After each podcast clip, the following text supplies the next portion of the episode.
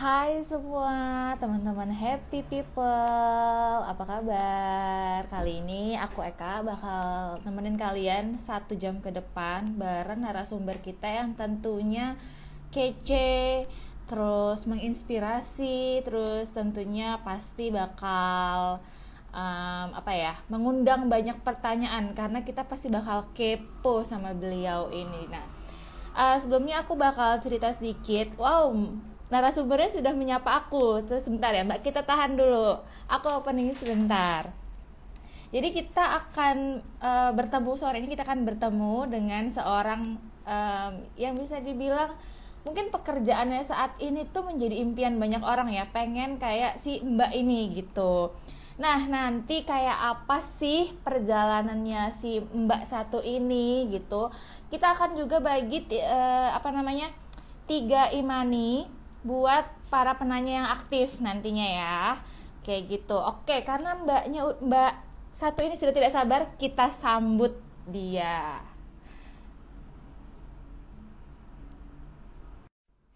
oke aku sudah menginvite narasumber kita sore ini Hai Mbak. Halo Mbak Eka. Hai Mbak Zata, apa kabar Mbak? Baik, Alhamdulillah baik. Makasih aku seneng banget diundang uh. sama Happy ya, makasih banyak ya Mbak Zata sudah meluangkan sama, waktu untuk Happy Talk kita kali ini kayak gitu. Aku manggilnya Mbak Zata aja ya, biar kesannya ya, uh, gitu. Uh, manggil nama juga nggak apa-apa. Jangan dong. Oke Mbak, um, kita mulai dari mana nih? Kita langsung mulai aja kali ya, karena nanti takutnya ya, banyak teman-teman yang penasaran, pengen cepet-cepet, ayo dong tanya-tanya-tanya, kayak gitu. Mbak, aku mau tanya, aku kan sudah melihat profil singkat dirimu ya Mbak ya.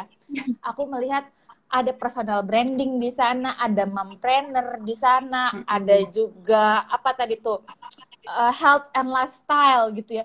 Sebenarnya kalau dari Mbak Zata sendiri tuh pengennya disebut sebagai seorang apa sih? Hmm, oke. Okay. Ini ini menarik banget sih sebenarnya setelah mengalami banyak hal nyoba ini dan itu akhirnya pada akhirnya justru aku pengen dikenal sebagai konten kreator aja. Oh, konten kreator. Simpel itu. Uh -uh, karena kan uh -uh, kalau misalnya aku dikenal sebagai personal branding practitioner, uh, ya aku memang di situ bidangnya dan aku suka dengan itu. Tapi aku lebih banyak lebih ke nyiptain konten sih. Dibilang blogger juga juga nggak cuma ngeblog kan, tapi juga bikin konten buat Instagram, hmm. buat YouTube dan lain-lain. Jadi lebih seneng dibilang konten kreator atau mungkin digital storyteller juga oke. Okay. Oke, jadi emang lebih lebih nyaman ketika Mbak Zata yang seorang konten kreator karena ruang untuk berkreasinya nggak cuma dari Instagram ya Mbak, tapi bisa dari tulisan di blog, terus nanti dari foto yang di share melalui Instagram, kayak gitu ya Mbak ya. Mm, betul. Uh, awal mula nih Mbak, awal mula kenapa sih Mbak Zata ini bisa, wah gue kayaknya uh, mau seriusin deh dunia apa ya, dunia digital content creator ini gitu. Apa yang bikin Mbak Zata pengen ke sana? Oke. Okay. Um, ceritanya sebenarnya panjang banget, tapi hmm. uh, kurang lebih adalah karena memang kebetulan sukanya di bidang ini, sukanya di passionnya di bidang ini memang senang nulis, hmm. kebetulan senang foto-foto, seneng hmm. bikin video, seneng hmm. berbagi cerita, berbagi hmm. inspirasi. Jadi-jadinya ya akhirnya memang jadi konten kreator. Sebelumnya aku pernah kerja serius gitu di sebuah law firm asing lumayan lama lah sekitar lima wow. tahun. Tapi akhirnya memutuskan ah kayaknya balik lagi ngeblok gitu karena selama uh, kerja kantor kan tetap kadang-kadang ngeblok gitu tapi hmm. ke sekitar beberapa tiga atau empat tahun lalu memutuskan untuk berhenti kerja kantor kan dan jadi full time content creator karena memang Jadi, suka banget passionnya hmm. di sini. Berarti emang benar-benar butuh apa ya niat ya Mbak. Oh gue uh, pengen ngejar passion gue kerjaan yang udah istilahnya udah firm, udah dibangun karirnya, ditinggal untuk uh, hmm. menemukan passion baru dan menyalurkan hobi tadi ya Mbak ya. Betul betul banget. Nah kalau kita lihat nih Mbak, sekarang kan uh, apalagi di masa pandemi ya, itu muncul hmm. banyak banget konten-konten kreator baru yang mulai dari segala uh, eh, DIY room lah, mereka mendadak tiba-tiba jadi arsitek interior di sana. Kalau Mbak Zata sendiri melihat gimana nih peluang uh, untuk apa ya menjadi seorang konten kreator di era pandemi kayak gini nih gimana Mbak? menurut aku justru ya ini adalah peluang besar banget untuk siapa pun yang seneng bikin konten, seneng bersosial media dan seneng dunia digital untuk manfaatin masa pandemi ini. Pertama, karena memang menurut aku dunia digital ini kan memang nggak terbatas kan, nggak ada batasnya. Jadi nggak usah bilang betul betul nggak usah mikir, aduh udah banyak. Ya di satu sisi tapi pasarnya juga banyak ruangnya juga banyak gitu loh. Jadi kalau misalnya uh, di masa pandemi ini malah kepikiran untuk bikin konten, ya ayo justru ini adalah saat yang tepat kalau menurut aku begitu. Jadi langsung aja nggak usah tunggu apa lagi lakuin bikin konten dan Jadi jangan takut-takut gitu medianya. ya, Mbak. Jadi jangan takut-takut untuk explore apa yang ada di ide, apa yang ada di pikiran sebelum nanti lupa terus nguap gak jadi gak jadi konten gitu benar. ya. bener banget, Nah, bener banget. Kalau boleh tahu nih Mbak, Uh, sekarang Mbak Zata kesibukannya apa sih Mbak selama ini? Apakah masih tetap aktif rutin untuk bikin konten-konten atau sekarang lebih banyak aktif uh, nulis atau seperti apa nih Mbak? Uh, sekarang tetap aktif dan sibuk banget, tapi 90% semua dilakukan dari rumah. Bikin konten untuk blog, untuk Instagram, bahkan untuk podcast. Uh, uh, ya semua dari rumah. Biasanya kalau podcast masih kadang-kadang harus ke di ke Metro TV karena studionya di sana gitu kan. Hmm. Cuman karena memang PSBB total balik lagi, akhirnya udah semua dari rumah. Mau podcastan juga lewat Zoom, mau meeting lewat Zoom, jadi pembicara hmm. lewat Zoom, atau Google Meet, dan lain-lain. Jadi semua mungkin aku bisa bilang 90 atau 95 persen, aku tetap sibuk, tapi sibuknya dari rumah. jadi walaupun pandemi tidak berdampak ya Mbak, karena tadi digital, juga itu kontennya bisa dibikin bisa di-create dari rumah yang penting ide yeah. tetap mengalir ide-ide yang baru nah, ide iya. yang fresh gitu ya mbak. Betul.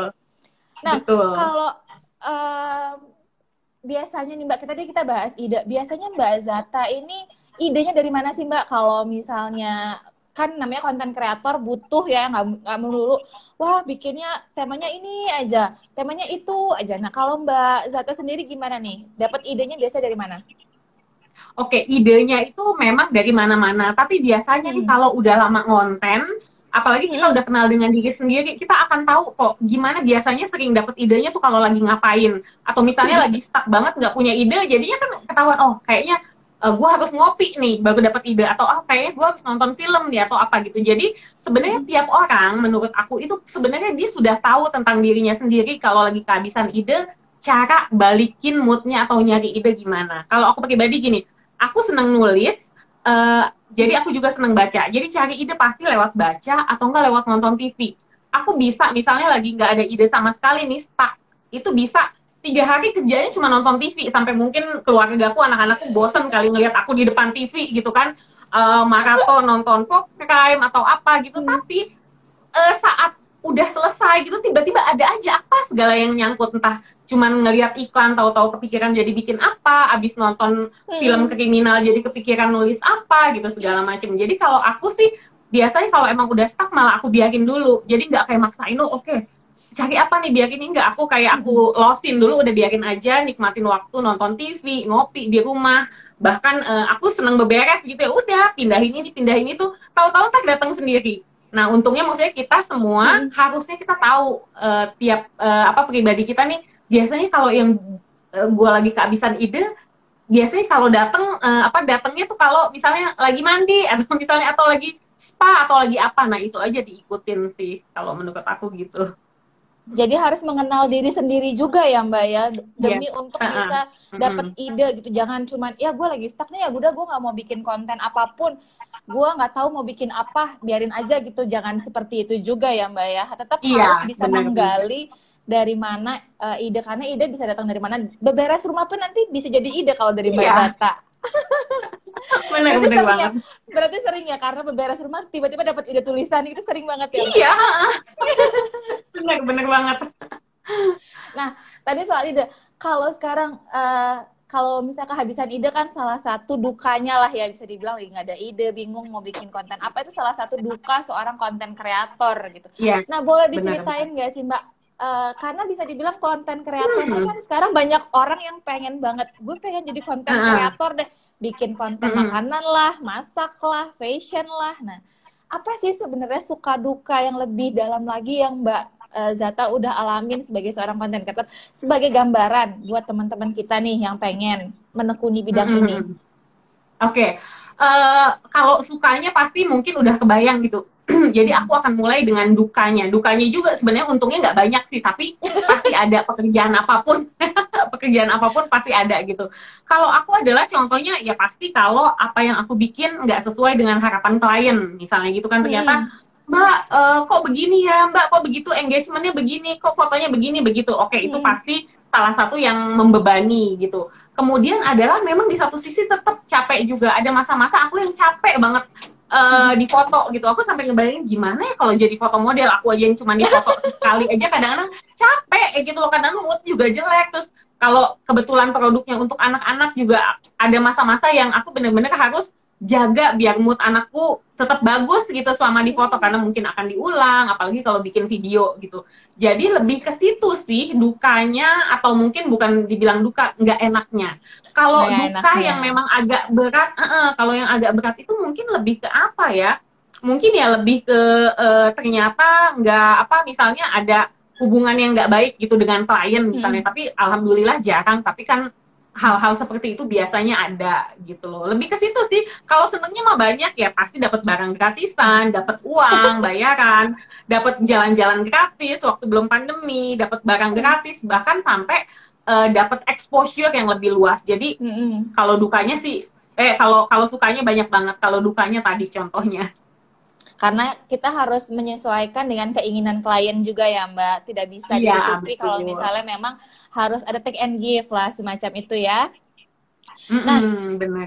Uh, menarik nih Mbak. Tadi kan kita misalnya sebagai seorang konten kreator nih, kita sering bikin konten, sering nulis, sering upload foto kayak gitu. Yang namanya dinyinyirin orang nih ya Mbak.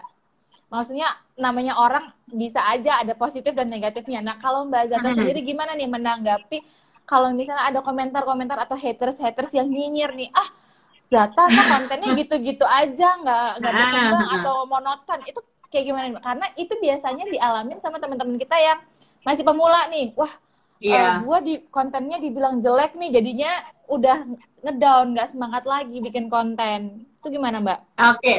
uh, uh.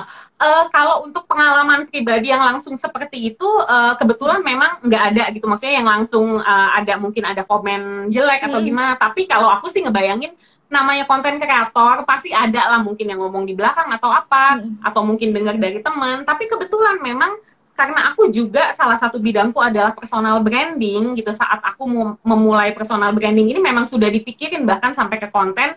Uh, aku akan sangat menghindari postingan-postingan yang kontroversial atau karena aku merasa bahwa aku seorang konten kreator yang profesional otomatis semua harus aku bikin sebaik mungkin sehingga sebenarnya sedikit celah untuk haters atau komen-komen negatif masuk gitu kayak gitu. Tapi meskipun ya pasti tetap ada. Cara salah satu cara menghadapi adalah balik lagi ke tadi tuh di awal kita ngomong soal mindset bahwa kalau kita sudah mengenal diri kita sendiri sebenarnya orang mau ngomong apa bodoh amat.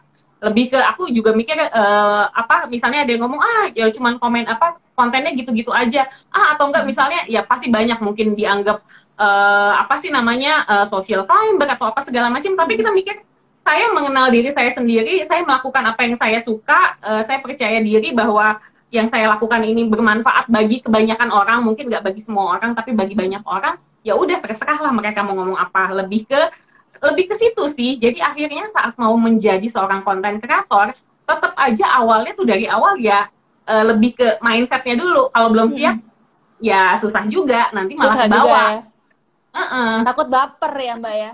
Karena yes, ketika banget. kita mengenal diri kita sendiri, ketika kita ketika kita tahu, oh uh, aku punya kelebihan ini yang bisa aku tunjukkan mm-hmm. kepada teman-teman dan bisa aku share ke teman-teman, mungkin itu bisa jadi salah satu uh, konten dan peluang untuk diri kita sendiri berkreasi seperti itu ya Mbak ya. Mm-hmm. Betul betul nah, banget. Kalau Mbak Zara ini kan uh, moms of three kids ya Mbak ya, jadi sudah yeah. punya buntut tiga nah, kalau dari keluarga sendiri Mbak, gimana respon dan komentar nih Mbak terhadap pekerjaan uh, Mbak Sata sekarang ini? Apakah keluarga mendukung atau kadang-kadang komplain, Mama kok lebih sering uh, ngadepin layar handphone dibanding layar uh, dibanding uh, ngobrol sama aku gitu? Ada nggak kayak gitu nggak?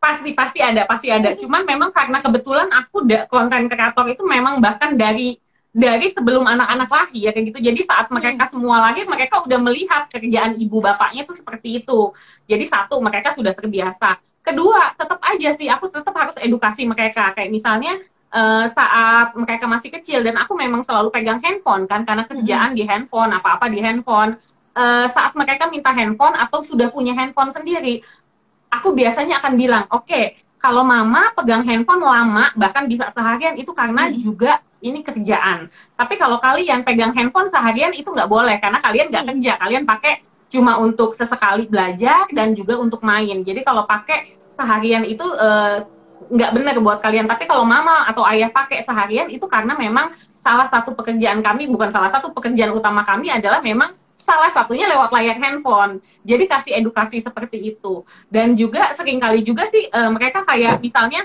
karena udah merasa terbiasa ya kayak handphone atau gadget itu sebagai sesuatu keseharian, aku kasih mereka aku kasih tapi selalu lebih ke apa ya? Apa value-nya buat kalian. Jadi selalu aku tagih kayak misalnya yang bungsu dia pegang handphone juga, aku juga pengen kayak mama. Oh ya udah, kalau gitu kamu boleh pakai lebih lama tapi harus ada hasilnya kayak tiba-tiba hmm. nanti dia bilang mah aku udah bisa belajar apa bisa main bass karena aku belajar dari YouTube oh oke okay. jadi aku nggak apa-apa dia agak sedikit lama di YouTube meskipun tidak boleh seharian ya jadi selalu ada apa ya ada diskusi ada tawar menawar yang menurut aku itu normal yang namanya ibu dan anak itu orang tua dan anak tawar menawar tapi yang terpenting adalah aku berusaha ngasih hak mereka.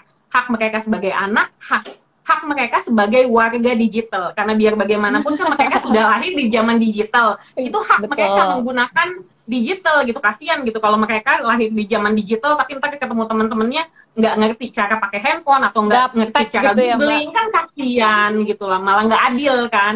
Jadi itu sih yang, caranya aku mm, mengedukasi aja. Berarti memang uh, butuh komunikasi juga ya Mbak. Jangan sampai anak nggak tahu kerjaan mama papahnya, terus jadi ngerasa wah mama aku lebih sayang handphonenya dibanding sama aku gitu ya. Yes yes benar banget itu yang sangat aku hindari Iya, jadi emang harus dikasih tahu kalau misalnya sumber duit jajan kalian juga dari mama lihat handphone loh, nah. Iya, benar, benar banget. Itu sering aku ingetin ke mereka. jadi jangan bener. jangan protes kalau mama agak lama ya, nak ya, kayak gitu. Kalian juga boleh asal mm -hmm. tetap produktif dan sesuai sama uh, apa ya pattern yang sudah dibuat atau kesepakatan-kesepakatan yang sudah dibuat dengan orang tua. Kayak gitu ya Mbak Zata. Mm. Nah, yes. kalau dibilang nih Mbak, kan uh, sekarang sosial media terus apa namanya? Ya kayak Instagram, YouTube, blog itu udah sekarang banyak banget lah. Nah, apa emang bener sih Mbak cuannya atau ladang duit di sosial media itu sekarang ini emang betul-betul lagi basah banget atau gimana nih Mbak kalau menurut Mbak sendiri yang yang bergelut di sana nih Mbak? Uh, ya benar itu benar banget benar banget jadi hmm. memang pas banget sih Happy Ing menampilkan tema ini karena memang lagi hmm. basah basahnya ya kalau menurut aku gitu lagi basah pas. banget ya mbak iya karena uh, kalau secara logika aja gini uh, karena PSBB total di uh, Jakarta dan sekitarnya dan di banyak tempat hmm. lainnya gitu jadi memang kayak kesempatan-kesempatan brand untuk kayak launching produk atau misalnya ngundang blogger untuk datang atau ngundang konten kreator untuk datang ke tempat mereka dan mereview dan lain-lain, itu kan kesempatannya jadi berkurang kalau menurut aku sih sampai 70% gitu. Aku sampai ada hmm. beberapa kerjasama yang aku harus datang ke tempatnya untuk nge-review atau misalnya hmm. uh, kerjasama dengan klinik kecantikan di mana misalnya aku harus nyobain perawatannya kan jadi nggak bisa gitu karena lagi PSBB hmm. kayak gini kan. Jadi semuanya akhirnya pindah pindah hmm. ke pokoknya kalau bisa semua serba digital, semua serba online bahkan uh, ini menarik banget ada salah seorang temanku yang ber, uh, apa dia uh, bekerja di dunia kecantikan di dunia klinik dan skincare. Hmm. dia bilang gini jadi sebenarnya awalnya itu adalah kliniknya uh, perusahaannya itu besar banget uh, dan lebih ke uh, menyalurkan alat-alat untuk klinik gitu kan. Tapi kan karena masa pandemi gini klinik juga sepi misalnya pengunjung akhirnya mereka kencengin untuk jualan skincare-nya itu di online Uh, mereka okay. cari buzzer, mereka cari influencer, cari uh, pokoknya orang-orang yang bisa membuat mereka makin viral, makin dikenal gitu. Jadi menurut aku ini adalah benar-benar masa di mana ya blessing in disguise sih di satu sisi uh, situasinya lagi berat, lagi pandemi, tapi buat kebanyakan orang terutama konten kreator ini jadi blessing karena kita jadi banyak dari kita yang mendapat pekerjaan-pekerjaan yang lebih banyak dari biasanya. Jadi Tantangan teman-teman ya, ya? konten kreator manfaatin banget ini Mm-mm. kesempatan ini. tantangan juga ya Mbak untuk bikin konten-konten yang nggak monoton, yang nggak boring supaya Yes. ketika misalnya selama PSBB ini nggak melulu kontennya di rumah aja gitu, tapi di rumah aja kita bisa ngapain, bisa bikin konten Betul. yang apa seperti itu ya Mbak ya. Jadi eh, Iya. tantangan juga untuk mencari ide-ide fresh lagi daripada konten kreator. Iya benar. Balik lagi Mbak, tadi eh, digital ini bergerak begitu cepat ya. tiba-tiba banyak aja yang mau muncul gitu. Konten-konten baru lah yang sebelumnya kita bahkan nggak kepikiran. Bahkan eh, apa video review reaction aja tuh jadi konten sekarang yang dulu orang nggak pernah kepikiran gitu kan ya. Ah, benar. gimana gimana caranya Mbak eh, Zata sebagai seorang konten kreator nih tetap update agar nggak ketinggalan tadi nggak miss miss momen tadi bisa riding the hype kayak gitu tadi Mbak? Mm-mm. Oke, ya, eh, ya itu dia tadi. Aku bilang kalau konten kreator misalnya seneng nulis, seneng bikin video, Hmm. seneng eh, apa eh, review film dan lain-lain, ya memang harus selalu update. Kalau memang Hmm. bidangnya di sosial media, eh, salah satu cara kita tahu lagi tren apa juga kan lewat sosmed. Berarti memang di satu sisi memang nyempetin waktu untuk scrolling scrolling. Oh, sekarang misalnya lihat Twitter, oh hashtagnya yang rame lagi ini, atau di Instagram yang rame postingannya ini, atau misalnya lagi ada challenge nih lah yang rame, misalnya bikin kalau buat beauty blogger bikin apa make up yang eh, Harry Potter atau apa segala Hmm. macam. Jadi di satu sisi kita juga digital bener tadi cepet banget ya kita memang Hmm. harus selalu update, nggak bisa harus enggak, lari gitu. ya Mbak Jadi ya harus lari gitu. Itu dia sebenarnya eh, tadi kayaknya aku eh, sempet eh, sempet ngomong gitu bahwa eh, di satu sisi ini memang basah banget, tapi juga ya kita bisa dapet itu ya kalau memang kita selalu update, selalu usaha untuk mendapatkan kesempatan itu, gitu sih. Oke, Mbak, ini aku buka dari pertanyaan Happy People dulu ya, karena banyak banget Boleh. pertanyaan yang masuk. Hmm. Jadi biar nggak dari Iya, aku bagus, aja yang bagus tuh. kepo. aku buka dulu pertanyaan-pertanyaannya. Nih, dari Putri underscore RRR. Mbak, tips branding diri di sosial media agar menarik dan tidak membosankan gimana? Ya, oke. Aku jawab satu dulu ya dari Putri Hmm. dulu. Oke. Mm-mm. Eh, nah, eh, ngomongin soal branding, terutama personal branding, itu adalah eh, itu suatu proses yang, yang eh, ha- harus ada konsistensi, harus ada repetisi, dan sama sekali nggak instan. Jadi ini Hmm. bagus juga sih ada yang nanya gini karena Hmm. di satu sisi aku banyak menangkap eh, salah kaprah di sini karena tiba-tiba ada yang muncul eh, dengan personal brandingnya dan lang- katanya pokoknya langsung gede lah gitu. Eh, kalau mungkin kalau dipikir-pikir iya saat itu dia besar tapi mau sampai berapa lama gitu kalau sesuatu yang instan biasanya oke bisa booming tapi jangka panjangnya kita belum tahu gitu. Memang banyak contoh malah nggak bisa jangka panjang. Nah makanya untuk personal branding yang kuat itu perlu emang konsep yang eh, lengkap banget. Kayak tadi harus kenal diri sendiri dulu. Udah kenal diri sendiri tahu kelebihan dan kekurangannya baru kita mulai munculin itu di sosial media. Itu dia yang akan membuat kita jadi nggak membosankan karena kita kenal diri sendiri. Kayak misalnya gini aku membangun uh, personal branding sebelumnya sebagai blogger. Memang niatnya untuk dikenal dulu sebagai blogger profesional. Harapannya adalah ya biar uh, dapat kerjasama dari klien. Dan kalaupun misalnya ada beberapa banyak uh, blogger yang dipilih aku berharap bahwa aku akan mendapat bayaran yang lebih banyak gitu Hmm. dan segala macam nah itu uh, aku lakukan benar-benar uh, sangat terkonsep. Benar-benar dipikirin nanti postingnya mau apa posting di blognya apa posting di Instagramnya apa posting di Facebook atau Twitter apa. Jadi itu udah direncanain dan bahkan udah sampai sebulan dua bulan ke depan. Mau misalnya mau posting ini selama berapa lama tema ini selama berapa lama.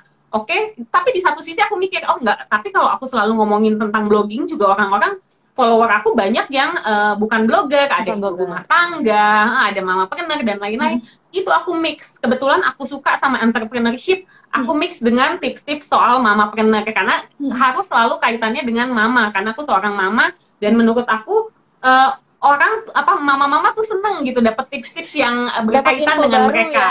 Heeh, gitu. Jadi aku akan sesekali kasih soal tips-tips mama partner. Kebetulan aku juga suka yoga. Pokoknya selama belum melenceng dari eh, brand yang memang aku mau bangun, misalnya blogger profesional, boleh kita tampilin. Gunanya itu buat orang bikin satu orang nggak bosen. Dua, malah mereka melihat kita sebagai pribadi yang kaya. Misalnya, oh ternyata dia juga guru yoga ya. Oh ternyata dia juga doyan masak ya. Oh ternyata dia itu gitu. Tapi jangan sampai hal itu malah jadi menutupi personal branding utama yang kita mau misalnya mau membangun branding sebagai seorang blogger profesional. Uh, terus aku doyan masak nih, aku doyan masak. Sebenarnya ini kan menjadi sesuatu yang unik dan menjadi bikin orang nggak bosen. Tapi ternyata aku salah strategi. Aku kebanyakan posting soal resep, soal makanan apa segala macem, terus nulis blog juga. Nanti uh, ternyata aku malah dikenal sebagai uh, seorang pegiat kuliner misalnya daripada seorang blogger malah jadi salah. jadi itu juga perlu di diatur-atur tuh strateginya. Tapi bisa kok biar nggak ngebosenin memang kita harus memunculkan sisi-sisi kita yang lainnya. Gitu sih Berarti bisa lebih. aku bilang Berarti bisa aku bilang ketika kita mau melakukan personal branding uh, ke diri kita sendiri, kita harus mulai dari konsep dulu. Kita mau dikenal sebagai apa sih, sebagai siapa yeah. sih? Itu yang pertama. Bener. Kedua uh, kelanjutannya adalah kita harus menurunkan ke dalam konten-konten yang akan kita share ke sosial media kita seperti itu kan. Nah, ke, uh, tahap selanjutnya adalah kita menentukan channel mana yang akan menjadi istilahnya uh, sumber pertama kita nih atau sumber utama kita untuk melakukan um, apa ya personal branding entah itu di Instagram tadi, entah itu di blog seperti itu ya Mbak ya. Lalu hmm, juga betul. diimbangi dengan quantity konten yang memang harus diimbangi jangan sampai berlebihan di salah satu uh, jenis konten. Misalnya tadi uh, suka masak masak bikinnya resep terus suka yoga bikinnya yoga terus. Jadi nggak ada variasi konten seperti itu ya mbak ya? Benar. Betul betul. Oke. Kita buka uh, pertanyaan selanjutnya ya mbak ya. Nah ini dari Narini Safiki Nisa underscore Vicky ya. Apakah postingan di sosmed mempengaruhi jumlah followers kita ya Mbak? Nah, gimana tuh Mbak? Apakah ngaruh nih konten-konten yang kita bikin di sosmed sama pertumbuhan followers kita? Oke, makasih pertanyaannya Nisa. Hmm. Uh, ngaruh, ngaruh. Tapi hmm. uh, kita uh, kita realistis aja, realistis aja. Hmm. Konten pasti ngaruh. Udah pasti konten yang bikin followers kita nambah bikin ada engagement, bikin mereka tetap bertahan follow kita. Tapi mm-hmm. di satu sisi konten aja nggak cukup. Ada begitu banyak perintilan yang harus mm-hmm. kita lakukan secara bersamaan untuk menumbuhkan followers kita. Satu mm-hmm. uh, tadi udah pasti konten, kedua adalah engagement. Engagement mm-hmm. itu macam-macam sih kayak uh, misalnya kita ya selalu bikin konten-konten yang bikin ada interaksi nih dengan followers kita. Ada Kemudian ketiga, ya, Mbak ya? Benar, ada call to action, hmm. benar banget. Lalu ketiga, harus ada campaign-campaign yang bikin orang tergerak. Kayak misalnya gini, hmm. aku uh, follow beberapa orang atau beberapa brand yang memang aku suka, aku suka follow gitu. Hmm. Tapi kadang-kadang kalau udah kelamaan dan gak ada sesuatu yang deket-deket lagi, aku kadang-kadang unfollow. Karena cuman ah, uh, karena terlalu sering muncul di feed aku hmm. atau mungkin uh, karena udah kelamaan follow dan tidak berasa ada manfaatnya, akhirnya aku unfollow gitu. Makanya harus ada campaign. Campaign-campaign misalnya gini, kalau misalnya ada salah satu teman dia itu seorang uh, pegiat olahraga atau instruktur hmm. olahraga dia sering ngasih tips orang kan pasti hmm. seneng ya follow dia meskipun nggak ada interaksi hmm. nggak hmm. pernah like atau nggak pernah komen tapi mereka hmm. seneng aja lihat postingan jadi tetap follow hmm. tapi kalau kelamaan atau mungkin mereka bosen takutnya kan di unfollow salah satu uh, hal atau apa campaign yang bisa dilakukan misalnya nih si uh, apa instruktur olahraga ini kayak bikin kayak bikin eh saya lagi bikin seven days challenge nih selama hmm. pandemi eh, tujuh uh, hari berturut-turut kalian harus olahraga misalnya 10 menit uh, setiap pagi terus posting pakai hashtag ini nanti misalnya uh, kalau yang bagus saya akan repost atau saya akan kasih hmm. hadiah atau apa pokoknya ada campaign ada hmm. yang bikin orang tergerak melakukan sesuatu kayak misalnya dulu aku inget banget ada campaign-campaign kayak jangan kasih kendor hmm. uh, mulai aja dulu, dulu. itu kan dari uh, dari suatu e-commerce besar hmm. gitu kan sebenarnya kan nggak ada untungnya juga. Saya uh, ini malah saya cuman kayak naikin mereka kan kalau saya hmm. bikin postingan-postingan kayak gitu. Tapi kan kita seneng kayak iya ya mulai aja dulu. Akhirnya misalnya saya udah lama nggak olahraga saya olahraga lagi uh, terus saya pakai hashtag mulai aja dulu atau pakai hashtag jangan kasih kendor. Padahal saya nggak berharap juga bahwa misalnya nanti akan diapresiasi oleh yang pembuat hashtag itu atau enggak tapi itu bikin orang kayak tergerak ih seru. Iya ih bener ya memotivasi Nah, itu jadi yang paling penting sebenarnya ada banyak, ada banyak banget cuman pasti waktunya terbatas, tapi yang tiga besar itu yang aku ingin highlight. Jadi konten, kemudian engagement, dan engagement. ketiga campaign. campaign. Campaign ini menurut aku penting banget. Hmm. Dan nggak mesti brand yang melakukan kita sebagai personal bisa hmm. melakukan campaign-campaign. Gitu. Wah, Mbak Zata tahu banget. Aku baru mau nanya, berarti nggak nggak cuma brand yang perlu campaign ya? Udah dijawab langsung. Yes, bener banget. bener banget. Kita sebagai seorang apa ya pengguna user di internet juga perlu untuk uh, punya campaign supaya orang juga tahu Bener. oh seorang Zata itu seperti ini seorang Eka itu uh, sosok yang seperti ini seperti itu ya Mbak ya uh -uh, benar okay. banget kita lanjut lagi Mbak karena wow banyak banget ini yang nanya ya sebentar aku cari pertanyaan hmm. yang uh, ini nah ini dari Yeti Yeti Herawati, Mbak bagus nggak sih kalau terima job gado-gado? Mungkin maksudnya ini uh, beda-beda konten kali ya, uh, nulis, terus di Instagram juga endorse, misalnya kayak gitu. Bagus nggak sih Mbak sebenarnya untuk personal branding kita? Bagus-bagus aja kok. Hmm. Iya, hmm. ya, uh, bagus-bagus aja. Kita sesuaikan aja kayak misalnya hmm. aku juga ada kok di masa-masa itu yang memang random banget karena hmm. kebetulan aku ngambil niche-nya itu adalah lifestyle Nah, lifestyle itu kan banyak banget yang bisa kita ambil sebenarnya menguntungkan. Kayak misalnya aku uh, uh, lebih ke uh, karena lifestyle lebih ke parenting. Misalnya uh, dapat kerjasama dari brand susu, misalnya atau brand uh, tempat makanan dari plastik atau brand apa sih makanan, uh, apa sih sabun cuci piring dan lain-lain. Apa aja bisa kita ambil bahkan sebenarnya sampai hal yang agak ekstrim misalnya kayak oli misalnya gitu. Sebenarnya ya bisa juga kalau kita mau maksa karena memang uh, uh, kita kayaknya tuh lifestyle bisa uh, aja tapi memang harus diarahinnya ke sana. Bahwa kita brandingnya adalah kita orang yang seneng misalnya ngasih tahu atau ngasih tips uh, atau posting soal lifestyle. Itu kan lifestyle ibu-ibu. Wah saya sekarang pakainya uh, apa deterjen merek ini soalnya gini gini gini kayak gitu. Jadi bisa aja kok gado-gado tapi juga gado-gadonya ya jangan sampai juga ngiklanin toko besi atau apa ya misalnya yang terlalu jauh gitu dari dari uh, branding kita. Tapi gado-gado boleh kok nggak masalah.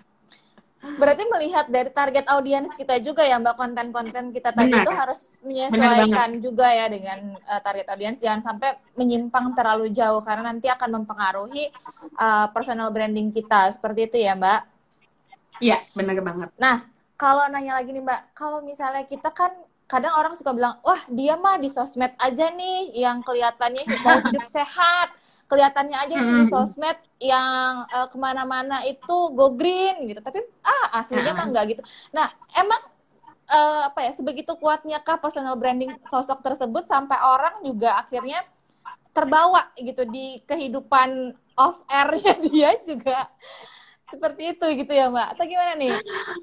Oke ini ini menarik banget. Itu menarik banget hmm. mbak Eka. Aku malah uh, kalau untuk bagian itu aku malah mau bilang bahwa yang orang itu lakukan kalau misalnya ada orang mikir ah dia mah di sosmed doang aslinya nggak gitu. Berarti yang dia bangun itu bukan personal branding. Yang dia yang dibangun sama orang itu adalah pencitraan. Atau bahkan oh, lebih parah okay. lagi dia uh, social climbing gitu. Itu yang lebih parah gitu karena kalau personal branding itu dia harus membangun sesuatu branding yang hmm. sesuai dengan value dirinya. Kalau aslinya hmm. nggak gitu atau dia jauh dari itu ya berarti dia sedang kayak memalsukan brandnya dia. Kayak misalnya nih, hmm. aku memang misalnya aku seneng banget memang saya dengan gaya hidup sehat, tapi ya gaya hidup sehat ibu-ibu yang memang uh, kalau olahraga ya sesekali ikut aerobik bareng teman-teman ibu-ibu lain gitu, tapi pulang dari situ kita mampir makan bakso ya tetap gitu kan. Maksudnya aku berusaha jadi seril mungkin dengan aslinya hmm. aku gitu. Tapi misalnya uh, tahu-tahu aku nampilin di uh, di apa namanya di Instagram uh, aku bi uh, bilang bahwa wah gue nggak pernah tuh makan bakso makan minyak-minyak atau apa gitu. Karena pengen dikenal sebagai penggiat hidup sehat ya. Itu namanya aku memalsukan diri gitu. Jadi itu lebih ke pencitraan.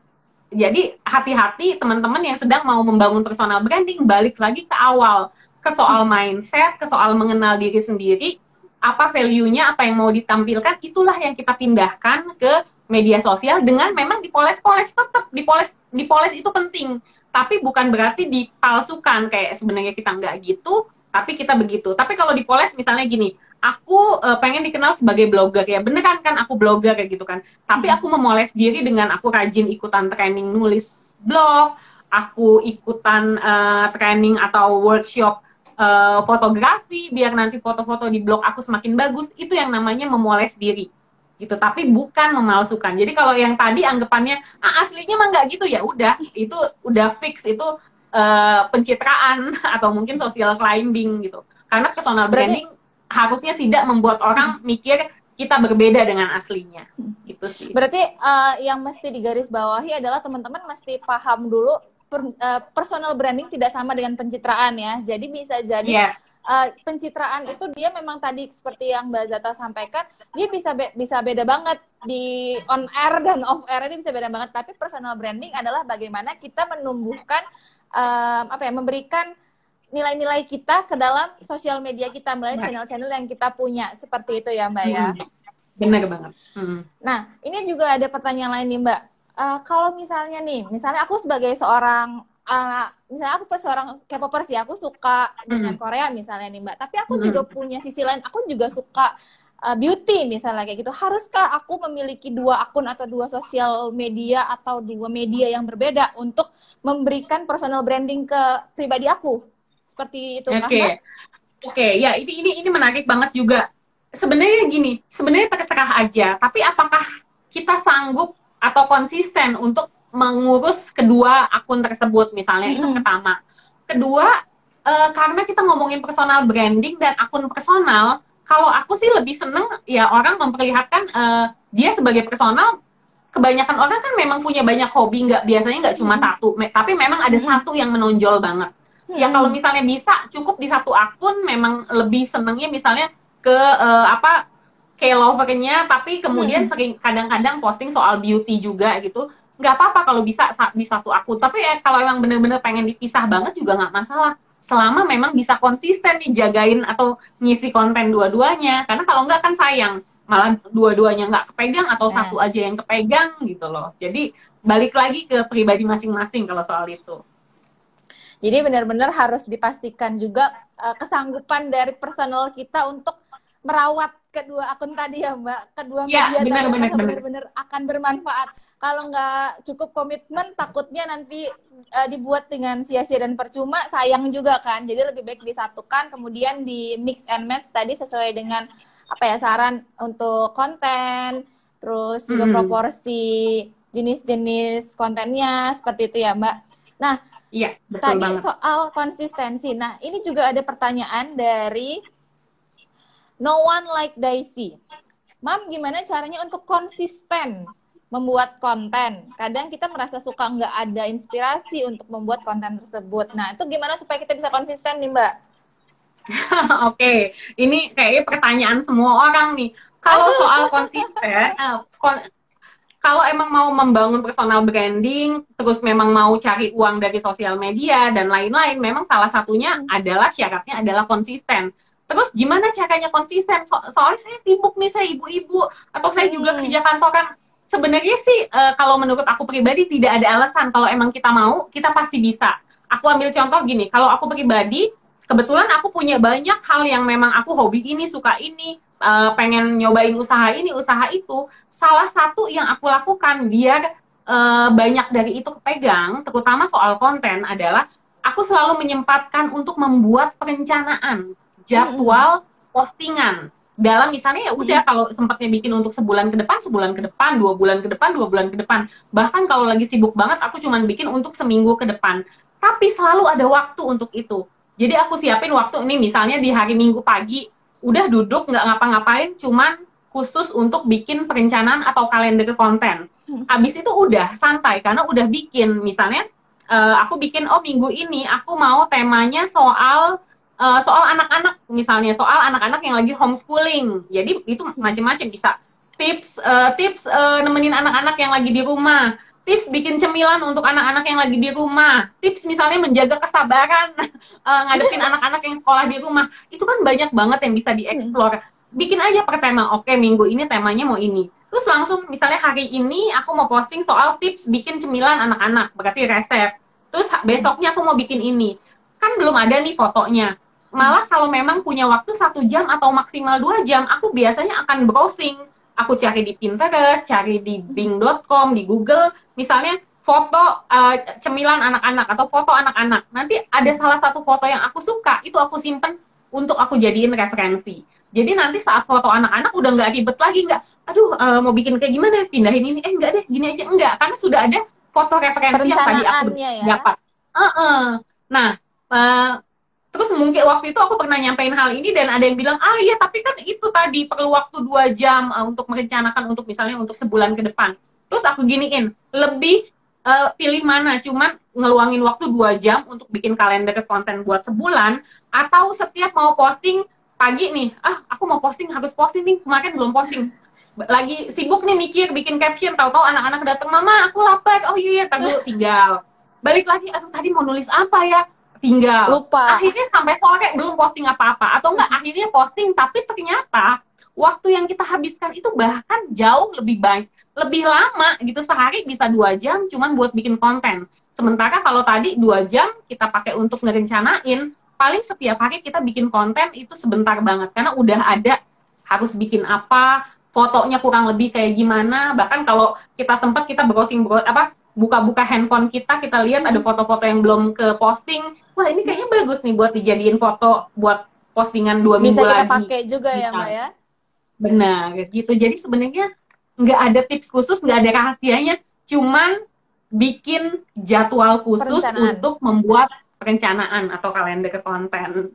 Jangan males nggak ada triknya. Ya, benar Soalnya kalau males nanti semua bubar, nggak jadi nulis, nggak jadi tag foto, nggak jadi nulis caption, gitu ya. Uh, uh, yang ada ngomel-ngomel aja ntar bawaannya kalau ah, ibu-ibu. Ah, selesai mikir caption anak gue udah ribut gitu. nggak jadi nanti ininya. Mbak, terus uh, satu lagi, biasanya kan orang yang apa ya disebut dengan konten kreator atau influencer seperti itu, itu punya followers yang banyak di sosial medianya. Mm. Nah, apakah nih teman-teman kita yang dari istilahnya followersnya masih kecil, misalnya baru seribu, dua ribu, itu bisa punya peluang nggak sih untuk menghasilkan duit dari sana kayak gitu mbak. Oke, okay. uh, ini juga menarik. Yang paling sering ditanyain hmm. adalah salah satunya soal followers hmm. karena hmm. Uh, memang jujur aja biar bagaimanapun followers itu sangat mempengaruhi kesempatan kita untuk mendapatkan uh, uang ya dari uh, apa dari sosial hmm. media.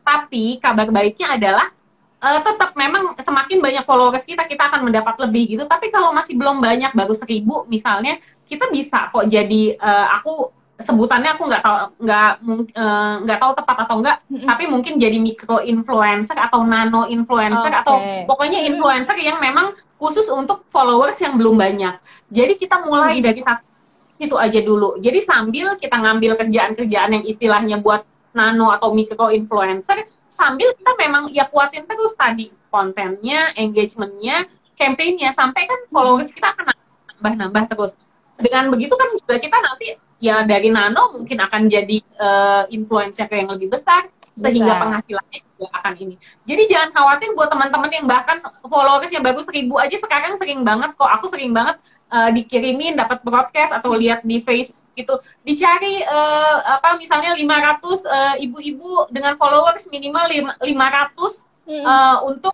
posting brand ini misalnya. Hmm. Ada banyak sekali kok kayak gitu. Jadi jangan khawatir mulai aja dulu gitu. Nanti kalau memang konsisten dan yang aku bilang tadi memang rajin bikin konten, jadwalin konten, nggak mungkin nggak ada hasil yang lebih baik kalau menurut aku gitu. Berarti memang harus konsisten, nggak boleh males, konsisten. terus memang harus sesuai dengan apa yang diri kita apa adanya kayak gitu ya Mbak. Betul. Nah ini juga ada satu info juga nih Mbak Zata buat uh, teman-teman hmm. yang lagi nonton Happy People buat yang followersnya kecil jangan khawatir cek Instagramnya Happy People di sana juga ada peluang untuk menghasilkan cuan loh. Yeay. Oke mbak aku balik lagi nih ke pertanyaan dari uh, penonton nih banyak banget ternyata. Hmm. Dari ini dari Mar Martiar Sitorus. Mam, kalau misalnya mau buka bisnis baru, apakah harus sama dengan minat dan branding diri kita? Kalau mau buka bisnis okay. baru, Mbak. Tadi kan Mam Planner ya terkait dengan uh, uh, uh. Oke. Gimana tuh? Uh, Oke, jadi ini menariknya uh, kita membangun personal branding. Jadi ada gini, aku uh, dari awal lagi uh, take a step back. Kita mau membangun personal branding dulu atau bisnis branding. Uh, Oke. Sebelumnya sering ada pertanyaan seperti itu. Hmm. Ada yang nanya mana duluan nih? Aku selalu nyaranin terserah. Kalau bisnisnya udah ada boleh bangun bisnis branding. Tapi kalau misalnya belum ada atau kebetulan dia punya banyak usaha lain-lain, Hmm. mendingan kalau menurut aku adalah bangun personal brandingnya dia dulu. Saat personal dia branding dia sudah terbangun dengan baik, boleh dia fokus ke satu-satu bisnis branding dari uh, brand-brandnya dia. Nah, kenapa personal branding dulu? Kalau saran aku karena gini, saat personal branding kita sudah terbangun dengan baik, otomatis uh, orang lebih trust kepada kita. Kita Hmm. punya kredibi- kredibilitas lebih. Jadi uh, harapannya adalah apa pun usaha kita, itu orang sudah percaya kita sudah punya kredibilitas. Jadi mereka misalnya gini, wah eh, apa Mbak Eka udah terbangun dengan baik, nih, terus Mbak Eka tiba-tiba buka salon, oh pasti kalau salon yang Mbak Eka pasti oke deh. Tahu-tahu Mbak Eka dua bulan lagi ngeluarin ini nih apa eh, produk rendang misalnya, Hmm. wah kalau rendangnya Mbak Eka mah pasti pasti enak, nggak mungkin ya dia kan eh, orangnya seperti ini, nggak mungkin dia ngeluarin yang abal-abal. Kurang lebih contohnya kayak gitu gitu. Jadi tadi pertanyaannya bagus banget. Sebenarnya eh, kalau personal branding sudah terbangun dengan baik, mau usahanya nggak sesuai branding kita juga nggak apa-apa. Aku ambil contoh gini ya, aku ngebayangin, misalnya aku dikenalnya sebagai seorang content creator atau personal Hmm. branding practitioner.